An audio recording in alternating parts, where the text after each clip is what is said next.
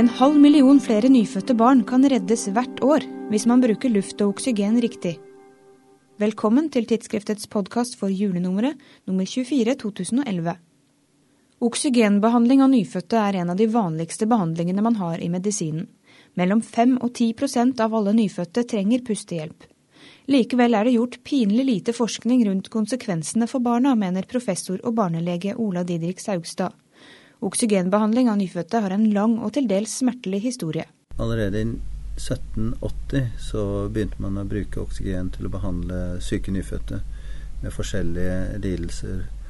Og siden da har man brukt uh, oksygen, uh, jeg vil si relativt ukritisk, helt til man i rundt 1950, 51, uh, forsto at for mye oksygen til for tidlig fødte barn kan føre til det som man den gang kalte kuvøseblindhet, og som vi da kaller prematuritetsretinopati.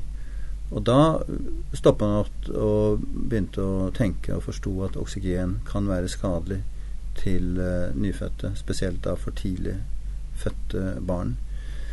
Men uh, når det gjelder oksygen til barn som er født til termin, så har man ikke vært like engstelig for eh, skadevirkningene.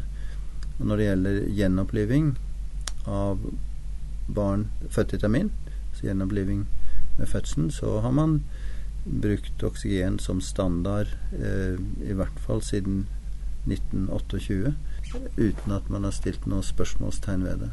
En epidemi med kuvøseblindhet på 1950-tallet gjorde legene oppmerksomme på at oksygen kunne være skadelig for premature, og man ble mer forsiktig.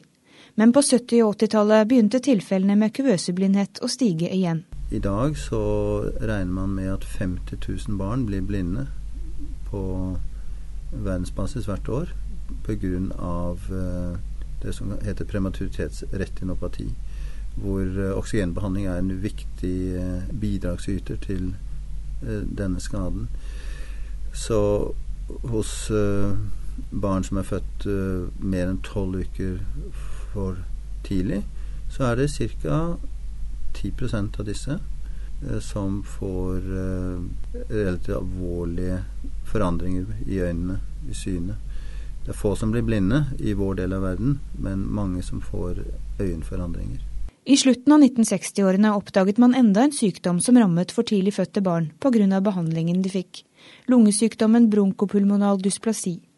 De siste ti årene har man sagt at oksygenmetningen bør ligge på mellom 85 og 93% Da kan lungeskadene reduseres med 25% og alvorlige øyeskader med 50% Men prisen å betale viste seg å være høy. For høy. Nok en feilantagelse var gjort. Så skjedde jo da det dramatiske i fjor at man i en studie viste at hvis oksygenmetningen ligger lavt, dvs. Si mellom 85 til 89% som var det nivået som nå mange trodde var det riktige for disse barna, så øker man dødeligheten. Så kom det en studie til nå i, i vinter eh, som bekreftet dette, og det ser ut som at eh, dødeligheten øker med ca. 20% kanskje enda mer. Eh, slik at nå står vi i det vanskelige dilemmaet at ved å holde metningen mellom 85 til 89 hos for tidlig fødte barn de første ukene etter fødselen, så vet vi at vi kan redusere øyeskader, kanskje halvere det. Lungeskader, kanskje redusere det med 25% men vi øker dødeligheten. Og det er dette dilemmaet vi nå lever med. Det er ingen som vet akkurat hvordan vi skal håndtere dette. Men eh, vi har sett nå en trend det siste halvåret, bare at eh, oksygenmetningen nå har blitt hevet de fleste steder i verden fordi at man mener det er viktigere å unngå at barn dør. Og så er prisen å betale at noen flere får øyeskader og lungeskader. Man har altså skjønt at oksygenbehandling av for tidlig fødte barn kan være skadelig, men ment at det var trygt å gi til barn født til termin. For kort tid siden fant man ut at også der tok man feil. Så er det mange som har lurt på det at hvorfor skjønte man ikke at det var skadelig før uh, nå nylig, i og med at man visste at oksygen kan være skadelig for for tidlig fødte barn. Til det er det å svare at uh, for tidlig fødte barn de fikk oksygen over flere dager og flere uker.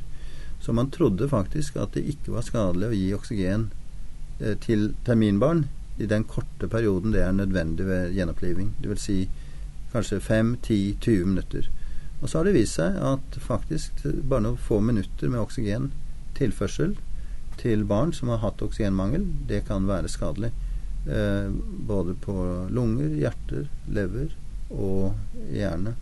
Og det øker dødeligheten. Eh, så, så dette har jo vært ganske dramatisk. Ola Didrik Saugstad har forsket på dette feltet i hele sin yrkesaktive karriere. Det er mange år siden han først fikk ideen om at man kanskje heller burde gi nyfødte luft enn oksygen. Han er blitt utskjelt og ledd av, men nå er han prisbelønnet og høyt anerkjent internasjonalt. Ved å bruke luft reduseres skader på hjerne, hjerte og nyrer, og ikke minst kan dødeligheten reduseres med hele 30% I fjor ble retningslinjene endret. Man skal starte med vanlig luft når det gjelder gjenoppliving av barn som er født til termin eller nær termin. Når det gjelder barn som er født for tidlig, som trenger gjenoppliving, så er man ikke sikker på hva som er den beste uh, oksygenkonsentrasjonen å starte med. De fleste vil anbefale at stedet mellom 21 altså romluft, uh, til 30% oksygen på barn som er født for tidlig.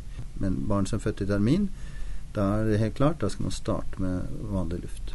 På denne måten kan man redde 200 000 barn hvert eneste år. I tillegg kan ca. 300 000 barn reddes årlig dersom også lavinntektsland forsøker gjenoppliving med luft av alle barn som fødes livløse. Mange har ikke råd til oksygen, men bag- og maskeventilering med luft er både enkelt og rimelig. Så det å gjenopplive med luft betyr at man kan redde kanskje opp mot en halv million barn uh, årlig. Så det er jo dramatiske tall. Men det er altså fortsatt en del ubesvarte spørsmål rundt dette? Ja, det er mange ubesvarte spørsmål når det gjelder uh, oksygenbehandling av nyfødte. Det er forskningsarbeid for mange år fremover. og jeg som har jobbet med dette i ja, over 35 år, jeg må jo bare se i øynene at uh, vi får ikke svar på alle de uløste spørsmålene i, i, min aktive forskningstid. Du kan lese hele kronikken til Ola Didrik Saugstad i tidsskriftets julenummer. Jeg heter Eline Feiring og er tilbake med en ny podkast når kalenderen viser 2012. God jul!